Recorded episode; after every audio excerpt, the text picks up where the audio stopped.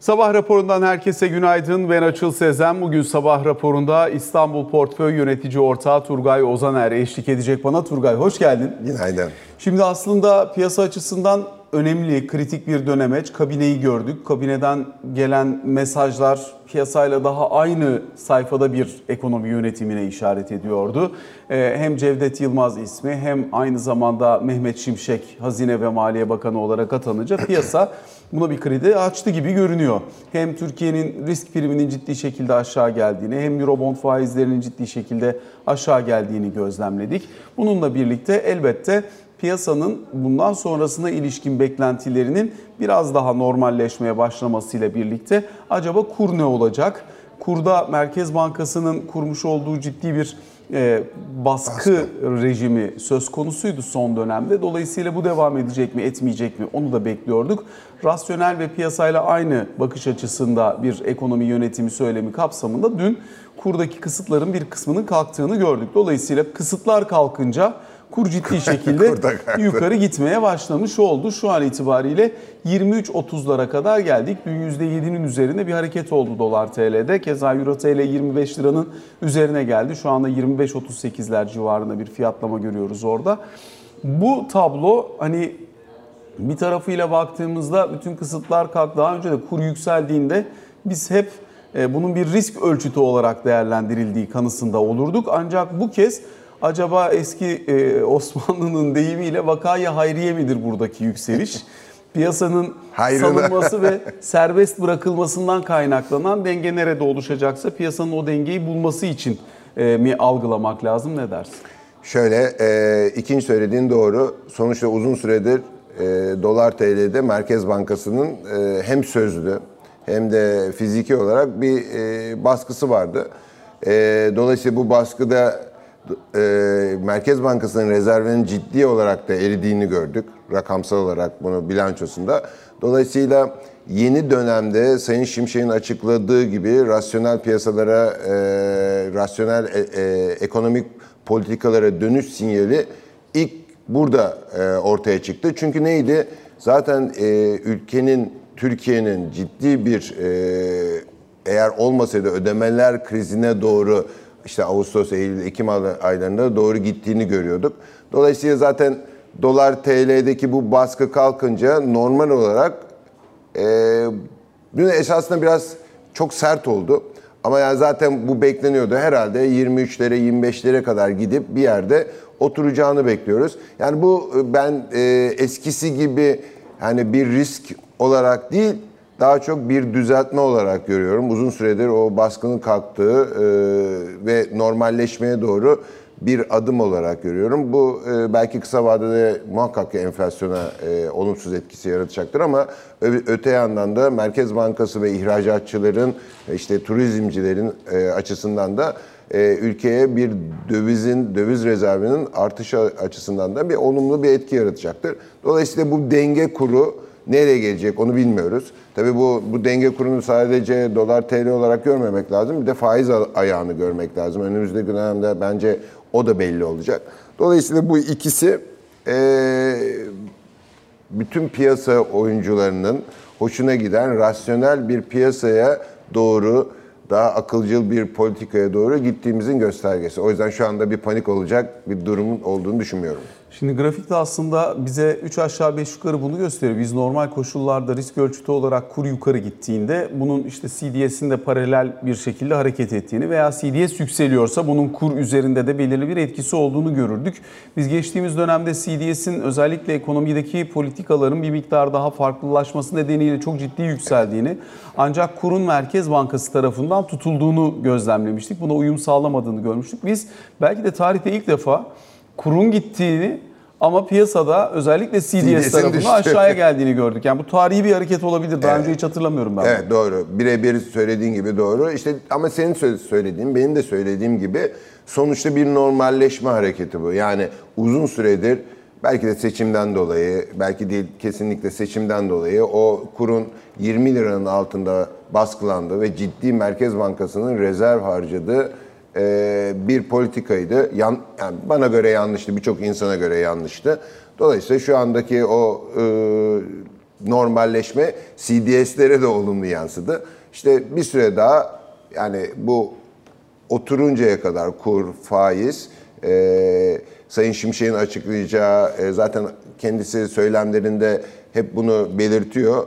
E, rasyonel piyasalara, dünyaya entegre olacak e, ekonomik politikalara dönüşten başka bir e, şansımız da yok dedi. Dolayısıyla onun bu görüşü bence işte CDS'te veya diğer hisse senedi piyasasında olsun, Eurobondlarda olsun pozitif etki yarattığını düşünüyorum. Şimdi e, elbette burada önemli olan unsurlar var ama bunlardan bir tanesi özellikle bu kısmı e, piyasa fiyatlamasını görürken piyasa şu anda e, kendi benimsemediği bir para politikasından uzaklaştı, e, uzaklaşılmasını fiyatlıyor. Doğru, Doğru. mu? Doğru, yüzde yüz. Şimdi yüzde yüz. bunu fiyatlarken bu başka bir fiyatlama. iyi yöneten bir ekip ve iyi yönetilen bir ekonomi fiyatlaması daha başka bir fiyatlama. Buradan oraya değişim ya da geçiş olur mu? Bu ikisi arasında ne kadar fark oluşur? Şimdi bence yol haritasının şöyle olması lazım. Yani bir kere şu kesin. Bütün piyasa yerli ve hatta yabancı yatırımcı açısından Sayın Şimşek'e çok ciddi bir kredi veriyor. Yani bence e, zaten bu kredinin verilmesi gerektiğini düşünüyorum. Hatırlarsan e, geçen programımızda seçimden sonra hani benim biraz negatif e, görüşüm nasıl değişir demiştin. Ben de demiştim Sayın Şimşek gibi bütün dünyada kabul görmüş, kredibilitesi yüksek e, ve birisinin ekonominin başına gelmesi ve rasyonel e, ekonomik politikalara dönüş. Evet şimdi... Hatta zaten senle konuştuğumuzda sen Mehmet Şimşek ismini telaffuz etmiştin. Üzerine yapılacak iş değişiyor mu hani diye konuşmuştuk. Aynen öyle. Ee, sen de kredibilitenin öneminden E bahsetmiştin. tabii şimdi burada e, Sayın Şimşek'in elinde e, sihirli değnek yok. Yani bana kalırsa son 5 senede yanlış politikalar ciddi bir şekilde e, Merkez Bankası e, rezervleri konusunda ciddi bir problem yarattı. Enflasyon konusunda ciddi bir problem yarattı. Dolayısıyla Sayın Şimşek'in elinde e, sihirli değnek olmadığı için bunu bir anda düzeltmesi de mümkün değil. Yani bu muhalefet de gelseydi aynı şeyleri söyleyecektik. Dolayısıyla ama kredibilitesi açısından ilk oyuna başlaması açısından çok çok olumlu. Dolayısıyla belli bir dönem Sayın Şimşek'e bu kredinin verilmesi lazım. Ee, dolayısıyla ben hep 3 ile 6 ay arasında bir dönem olarak görüyorum. Yani işine karışılmaması lazım. Ee, işi zor. Dolayısıyla senin dediğin gibi ilk başta şu anda o kredibilite veriliyor ama bir süre sonra yapılan işler, ekonomik e, gelişme, işte e, politikalar, Merkez Bankası'nın e, işte Gaye Hanım konuşuluyor, e, onun e, yapacağı politikalar, Merkez Bankası'nın belki e, son 5 yıldan ayrı olarak daha e, bağımsız olması. Ya bunlar zaten hep bizim istediğimiz piyasanın e, oyuncularının, aktörlerinin hep istediği hem yurt içi hem yurt dışı. Dolayısıyla bunları gördüğümüzde o fiyatlama daha yukarı çıkacaktır. Yani o fiyatlama, şimdi bugün e, endeks bazında konuşursak, hisse senedi piyasasını söylüyorum. İşte 2.4, 2.5'te o zaman 4 dolar, 4.5 dolar, 5 dolarlar konuşacaktık. Yeni bir fiyatlama olacak. Ama bu tamamıyla e, ekonomik politikaların nasıl uygulanacağı ve bunların e, bir şekilde ne kadar Sayın Şimşek'in e, ne kadar serbest olacağı, bağımsız olacağıyla da biraz alakalı olduğunu düşünüyorum. Şimdi e, biraz önce sen de bahsettin. Merkez Bankası için bir değişiklik, belki diğer kamu kurumları için bir değişiklik olacak mı, olmayacak mı? Olmayacak mı derken şöyle zaten normal şartlar altında e, bu başkanların her birinin süresi Cumhurbaşkanının görev süresinin dolmasıyla birlikte dolmuş oluyor. Doğru. Dolayısıyla hepsi için bir yeniden atama gerekecek. Yani görev süresi bitenin eğer e, yenilenmezse e, ataması e, görevden alma değil, görev süresi dolduğu için ayrılma oluyor. Aynen. Onu bir kenara not etmek lazım. İkincisi de burada nasıl bir e, insan kaynağıyla hareket etmek tercih edilecek. E, Merkez Bankası için işte Sayın Gaye Erkan'ın ismi geçiyor. E, Ancak ataması işte her akşam resmi gazete bekleniyor geldi gelecek diye şu ana kadar gelmedi. E, onun haricinde başka bir seçenek olur mu? Başka bir isim olur mu? İsim resmi gazetede görülene kadar Habercilikte de böyle, bürokraside de böyle. E, hiçbir şeyi kesin kabul etmiyoruz. Ancak e, bu kadar fazla konuşulduktan sonra artık e, o isim üzerinde de nasıl daha öncesinde Mehmet Şimşek üzerinde bir beklenti oluştuysa Gaye Erkan ismi Doğru. üzerinde de bir beklentisi oluştu piyasanın. E, dolayısıyla bir bunun gecikmesi, iki gelirse e, o zaman bunun etkisi nasıl olur? Şimdi şöyle gecikmesi hani şimdi burası Türkiye enteresan bir ülke. Son dakikada her şeyin değişme potansiyeli var ama e, ben şöyle düşünüyorum bu kadar e, konuşulduktan sonra bir geri adım atılması piyasalar açısından çok olumlu olacağını düşün, düşünmüyorum. E, dolayısıyla ben e, en de sonunda Gaye Hanım'ın atanacağını düşünüyorum ve sonuçta Sayın Şimşek'in e, bence vizyonu e, özellikle Merkez Bankası için vizyonunun ben çok doğru, Gaye Hanım'ın çok doğru bir insan olduğunu düşünüyorum. Çünkü yani Merkez Bankası Başkanı bütün dünyadan entegre ve bütün dünyada bir kabul görmüş ciddi bir pozisyonda olması gerektiğine her zaman inandığım bir şey. E, bütün dünyada da zaten e, böyle. Dolayısıyla evet gecikmesi belki bir stres yaratabilir ama bence e, biraz daha beklemek lazım. İkincisi geldikten sonra da e, hep söylüyorum yani demin de söyledim Sayın Şimşek için de aynı şeyi söylüyorum. Sayın Merkez Bankası Başkanı için veya işte BDDK Başkanı, SPK Başkanları bunların hepsi değişirse hepsi için aynı söylüyorum. Ya da devam da edebilir. Yani evet aynen devam da edebilir. E, bir şekilde işlerine karışılmaması ve sonuçta top, e, Sayın Şimşek'in e, vizyonuyla e, yaratılan ekonomik politikalara uygun e, rahat hareket edebilmeleri lazım. Yani bir serbestli serbest bir e, ellerinin serbest olması lazım kısacası. Dolayısıyla bundan beraber ben her şeyin daha olumlu olacağını düşünüyorum. Merkez Bankası açısından da özellikle bankacılık sektörünün çok olumlu etkileyeceğini düşünüyorum. Peki burada özellikle e, bir takım e, haber akışı, ya piyasa bir şey beklerken e, kendisi için olumlu gördüğü her şeyle birlikte bekliyor ya.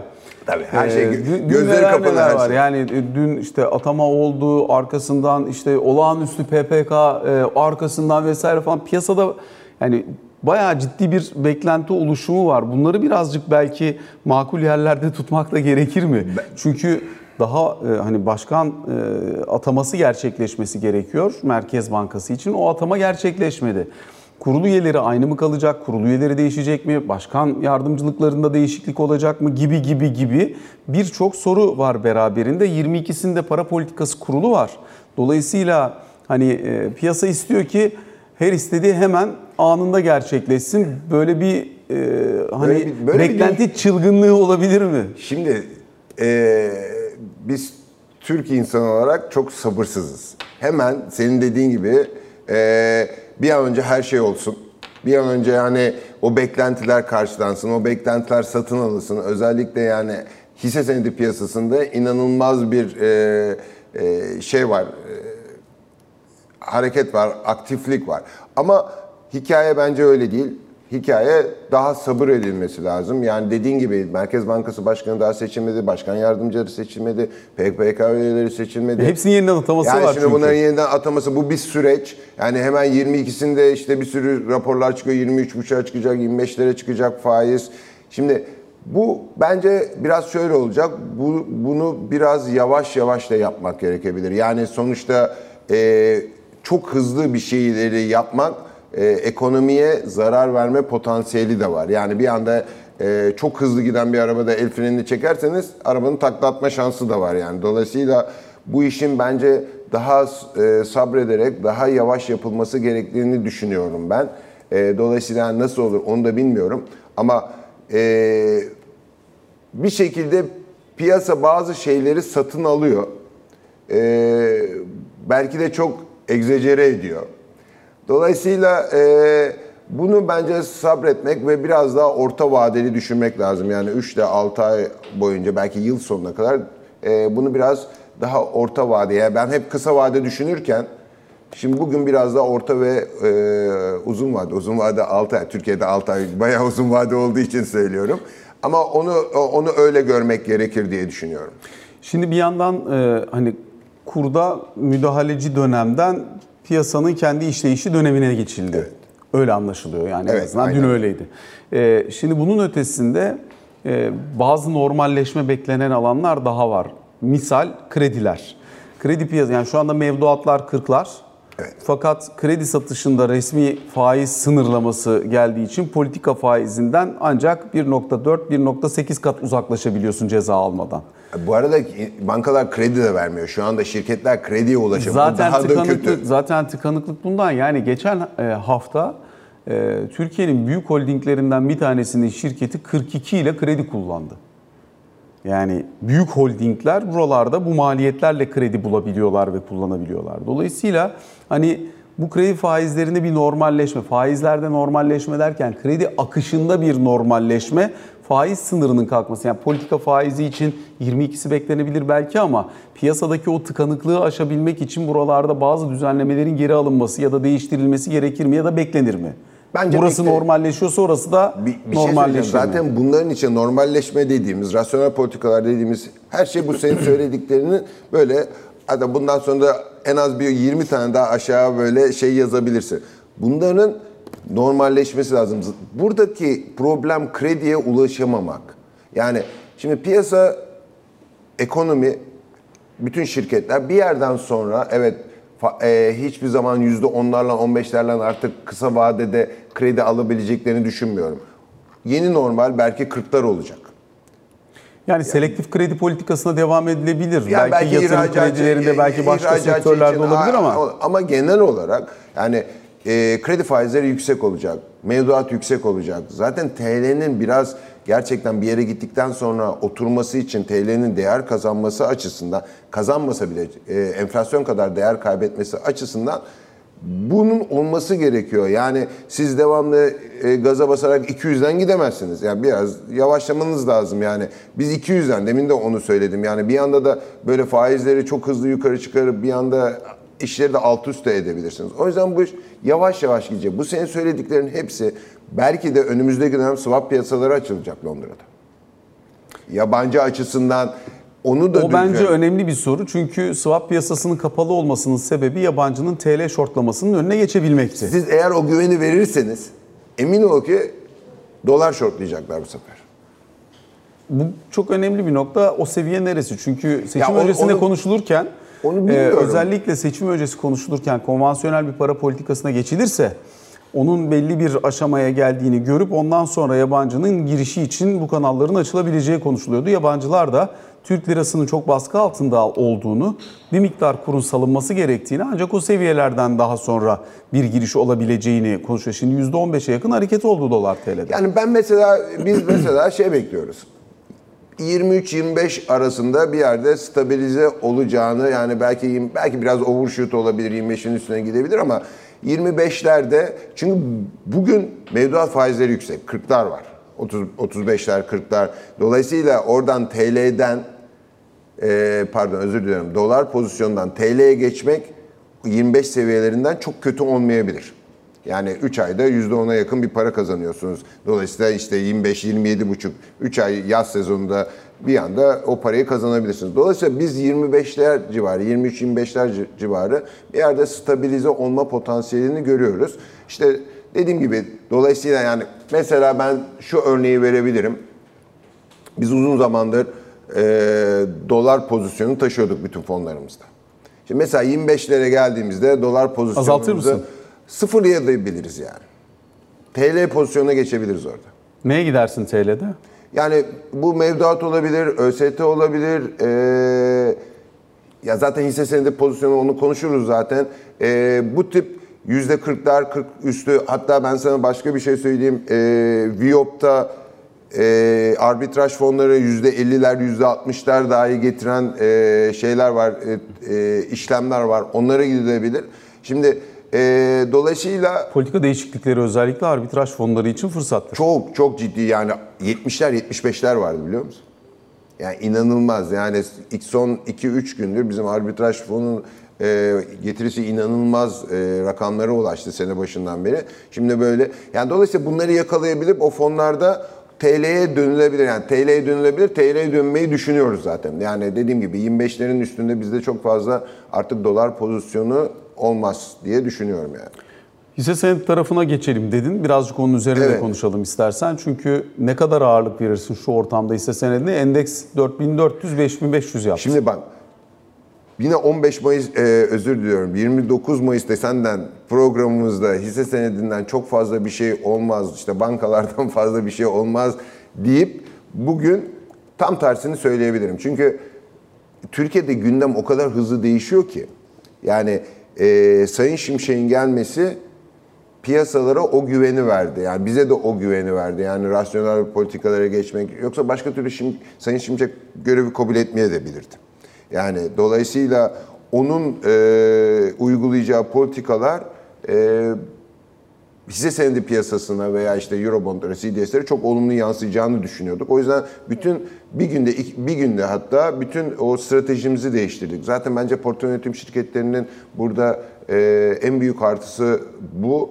Hızlı bir şekilde stratejinizi değiştirebiliyorsunuz. Yani özellikle bizim e, Tufan'dan bu konuda e, çok hızlı kararlarımız vardır. Geçmişte de olmuştur. Dolayısıyla bugün Hisse senedi piyasası evet dolar TL %15 %20 yaptı işte hisse senedi piyasası da o kadar yaptı ee, birçok hisse ama birçok hisse de ciddi prim de yaptı. Dolayısıyla hisse senedi piyasasında bugün %50'ye yakın bir pozisyon son dolarlar da satıldıktan sonra %50 ve 50'nin üstünde bir pozisyon artık taşınabilir diye düşünüyorum.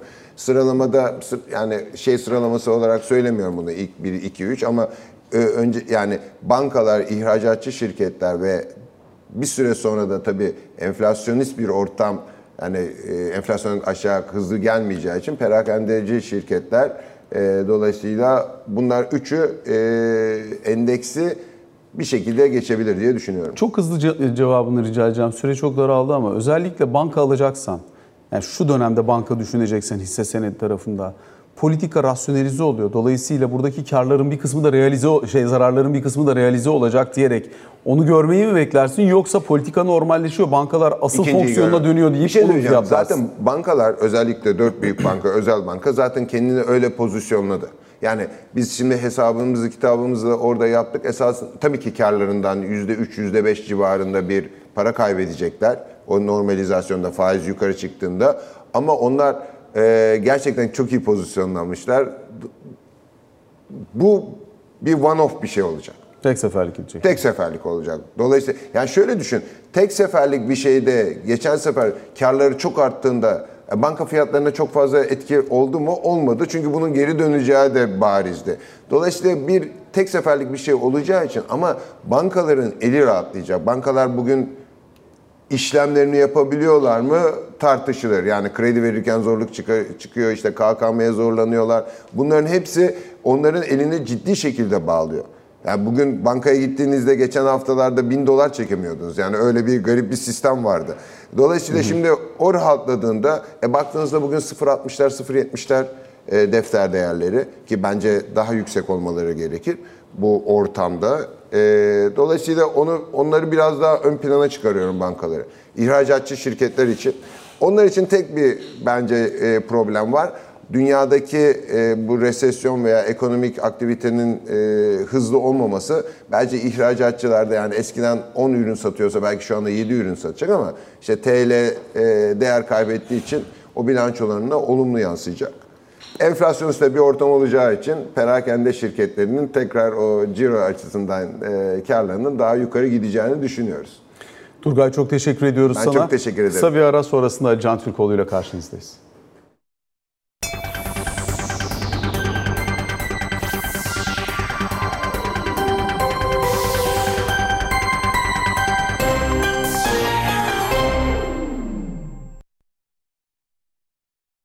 Sabah raporunun ikinci bölümünde Ali Can Türkoğlu ile birlikteyiz. Ali Can günaydın. Günaydın.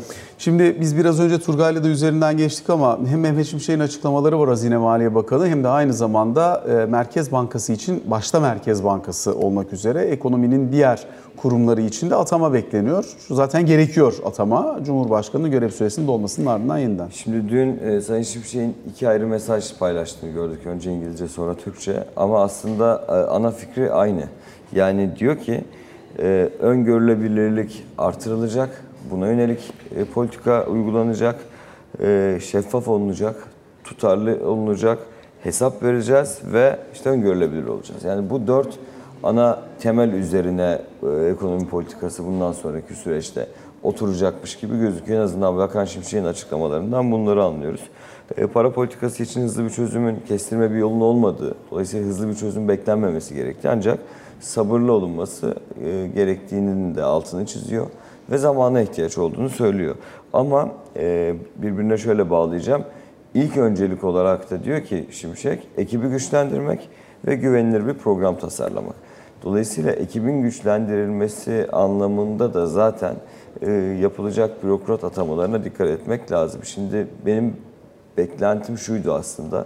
Hani hemen atamadan sonra değil ama yemin sonrası ilgili artık nasıl kimlerin görevlendirileceği planlandıysa e, ve belirlendiyse o atamaların yapılmasıydı. Dolayısıyla özellikle e, dün gece yani bu gece itibar dün gece itibariyle e, resmi gazetede en azından bazı görevlendirmelerin olmasını bekledik ama yok. Gaye Hanım'la ilgili olarak, Gaye Erkan'la ilgili olarak e, zaten çok konuşuldu. Sayın Şimşek'le de görüşme yaptığı ifade edildi, söylendi e, İstanbul'da. E zaten Amerika'dan İstanbul'a geldiğini de biliyoruz. E, çok kısa bir süre içerisinde bu atamanın olması kamuoyunda ve kulislerde konuşulan ve beklenen ama niye olmadığına ilişkin şu an itibarıyla herhangi bir bilgi yok. Muhtemelen e, sadece başkanla ilgili değil, görev yapacağı kadroyla ilgili de düzenlemeler yapılıyordur. Bu sadece tahmin. O yüzden Zaten orası da başkan yardımcıları için de mesela yeniden atama gerekiyor. gerekiyor. Artık kadroda başka değişiklikler yapılacak mı daha alt kadroda onları bilmiyorum. Belki bunların tamamı aynı anda yapılacak şekilde bir düzenleme bekleniyordur. Ama çok da uzun olmayacak bir vadede bunun yapılması gerekir. Dediğim gibi ben yemin sonrası yani dün yemin edildikten sonra gece bekliyordum. Bugün de bekleyişimi devam ettiriyorum. Bir anda Mükerrer Gazete'de de görebiliriz görevlendirmeleri. Ama dediğim gibi çok kısa bir süre içerisinde ekonomi yönetiminin hem Merkez Bankası hem belki bazı kurullardaki atamalarla nasıl şekillendiğini göreceğiz. Ama en azından ana ilkeler Mehmet Şimşek'in devir tesliminden itibaren bizzat Sayın Şimşek tarafından da Güçlü ekip dillendiriliyor. vesaire vurgusuyla dillendiriliyor. Şimdi atamalardan sonra bir de asgari ücret turu başlıyor. Çok hızlıca bir Toplantıların başlayacağını söyledi zaten Cumhurbaşkanı kabine toplantısından sonra. Şimdi Ocak'ta %54.66 e, zam verilmişti. E, düzenleme yapılmıştı. Bu yılın ilk 5 ayında enflasyon %15.26. Ama verilen de şöyle bir söz var. Yani 500 dolar olacağına yönelik eski Çalışma Bakanı'nın yapmış olduğu açıklamalar var. Dolayısıyla asgarinin 500 dolara gelmesi şu andaki kurla e, yaklaşık %35 zam mı e, gösteriyor. Yani enflasyon oranından işte 20 puan daha fazla bir e, zam beklentisi oluştu ve bu beklentiyle oranda bizzat hükümetin kendisi. Dolayısıyla Temmuz maaşının zamlı olarak yatırabilmesi, yatırılabilmesi için e, Asgari Ücret Tespit Komisyonu kararının en geç 30 Haziran'da yayınlanması gerekiyor. Ama bayram, e, hatta idari izin de kapsadı, kapsadı 26-27'si de e, Dokuz izin güne kapsamına alındı. O yüzden eğer bu karar Temmuz zam Temmuz maaşlarına yansıyacak bir şekilde alınacaksa kararın daha erken bir şekilde alınması gerekecek. O yüzden ben önümüzdeki hafta Asgari Ücret Tespit, Tespit Komisyonu'nun ilk toplantısını yapmasını ve 24'üne kadar da e, yeni Çalışma Bakanı'nın da dahil olacağı toplantılar e, silsilesiyle 4 toplantıyla beraber kararın açıklanmasını bekliyorum. Bunun da 500 doların o günkü karşılığı neyse ondan daha az olmasını da beklemiyorum. Bizzat hükümetin yapmış olduğu açıklamalar doğrultusunda. Son not bir 30 saniyede Putin ve Zelenski ile Cumhurbaşkanı'nın görüşmeleri var. Ee, Nova Kakhovka Barajı'nın e, patlatılmasıyla ilgili olarak şu anda ortada bir muamma var. İşte bir taraf diyor ki orası yaptı, diğer taraf diyor ki burası yaptı ama bir sıkıntı var. Türkiye'de diyor ki uluslararası komisyon kurulsun. Hatta tahıl koridorunda olduğu gibi gelin bu işi e, beraber Türkiye'nin de içerisinde olduğu veya arabuluculuk e, yaptığı bir sistemle çözelim. Benzer bir müzakere e, görüşmesi, benzer müzakereler yapılsın gibi bir öneride bulunmuş. Dünkü toplantılarda hem Putin hem Zelenski'ye. Şu an itibariyle sıcak bakıldığı söyleniyor. Görüşmelerin devam edeceği söyleniyor. Tahıl koridoru da ayrıca konuşulmuş bu toplantıda. Hani bunun da devam etmesinin önemli olduğu. Buna ilişkin daha resmi bir açıklama yok. Süreç takip ediliyor. Ama Rusya-Ukrayna savaşının e, ayrı ayrı her konusunda Türkiye müdahil olma e, girişimlerini sürdürüyor. Bu da onlardan bir tanesi. Alican teşekkür ediyoruz. Sabah raporuna böylelikle son noktayı koymuş oluyoruz. Hoşçakalın.